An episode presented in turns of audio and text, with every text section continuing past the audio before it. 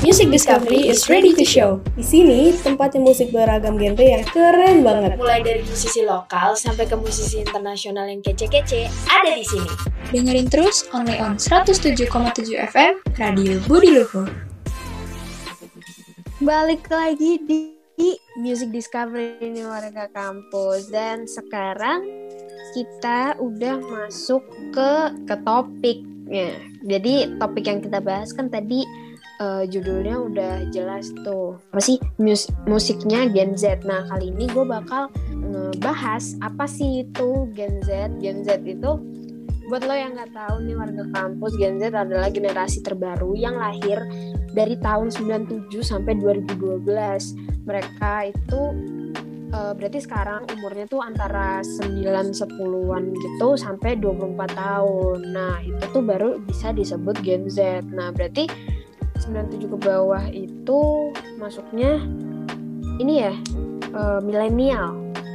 Ya milenial akhir milenial awal. Ya gitu deh pokoknya. Nah sekarang gue bakal ngebacain karakter Gen Z nih yang uh, bukan bukan cuman kita yang udah nggak gaptek gitu lah istilahnya. Nah berarti kan tadi udah gue jelasin tuh anak Gen Z tuh kebanyakan tuh udah udah mahir lah soal teknologi gitu udah nggak gaptek gitu. Nah yang kedua itu mereka suka berkomunikasi mereka tuh suka bersosialisasi gitu. Pokoknya temannya banyak lah dari dari sosial media lah inilah itulah banyak lah pokoknya. Nah terus Gen Z itu lebih mandiri nih warga kampus. Kayak mereka tuh uh, lebih mandiri.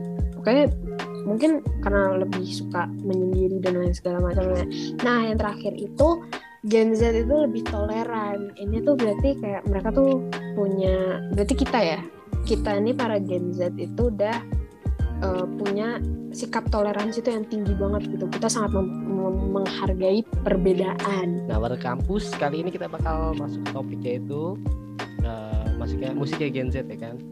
Uh, Gen Z sendiri itu punya selera musiknya sendiri-sendiri nih pada kampus. Jadi salah satu contohnya uh, video musik ini uh, video musik itu jadi konten yang paling banyak ditonton oleh Gen Z.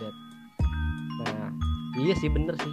Kalau musik gak ada video klipnya itu kayak kurang banget ya sih kayak nggak ada visualnya gitu. Jadi kayak kurang naik ya kan. Nah makanya musik video ini jadi hal penting gitu ya di buat industri musik sendiri. Apalagi buat kalangan Gen Z gitu nah yang selanjutnya ini uh, ada Billie Eilish menempati posisi teratas sebagai presentasi musisi Gen Z. Nah iya bener banget nih gue setuju banget sih sama ini sih. Jadi uh, ya siapa yang gak kenal gitu Billie Eilish di kalangan Gen Z ya kan. Dia tuh style yang kekinian banget, terus selera musiknya juga yang uh, heartbeat, uh, heartbeat kan. Jadi yang nyentuh ke hati gitu ya kan. Dan dia tuh ya nyentrik banget gitulah sesuai banget sama Gen Z gitu Nah, jadi pernah ada survei gitu ya yang melakukan survei terhadap 1000 orang penikmat musik antara berusia 7, 13 tahun sampai 37 tahun. Nah, tujuannya itu untuk mencari uh, musisi mana sih yang dianggap mempresentasikan Gen Z gitu. Nah, terpilihlah uh, Billie Eilish ini sebagai uh, artis yang mempresentasikan uh, gaya musik Gen Z. Hai warga kampus, dengerin terus siaran Radio Budi Luhur hanya di www.radiobudiluhur.com. Welcome back to Music Discovery di warga kampus. Masih bareng gue Alia dan kali ini gue bakal ngelanjutin apa yang dikata Marcel tadi. Jadi Gen Z itu sangat menikmati musik dari beragam genre. Jadi genre yang didengerin sama Gen Z itu tuh nggak cuma satu genre doang kayak misal pop gitu. Enggak tapi Gen Z ini tuh beneran dengerin musik dari beragam genre kayak rock punk mungkin blues atau uh, gitu rock. Wah pokoknya banyak banget. Gue tadi udah nyentuh rock apa belumnya pokoknya gitu deh. Nah selanjutnya uh, bagi Gen Z nih musik itu sangat berpengaruh besar terhadap kehidupan sosialnya mereka karena karena uh, gimana pun Gen Z itu tuh benar-benar butuh yang uh, butuh kayak gimana ya bahasanya ya?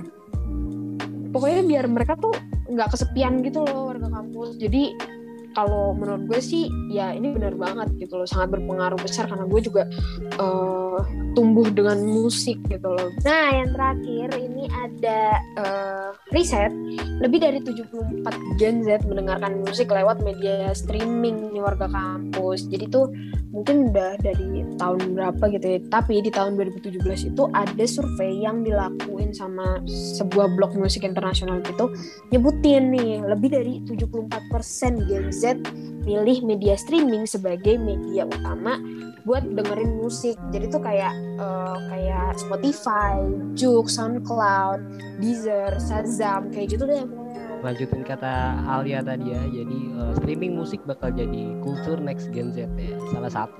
Banyak tuh kan streaming streaming musik kan zaman zaman sekarang ini kayak ada Spotify ada Juk, Sriso, YouTube musik, Shazam, Tidal segala macem kan nah jadi uh, menurut laporan Global Web Index 2020 dia mengatakan milenial dan generasi Z menghabiskan rata-rata 18 jam per minggu untuk streaming musik. Gila 18 jam per minggu tuh buat streaming musik doang sih. Ya kerasa banget sih emang bener sih. Gue kalau nugas juga pasti dengerin musik.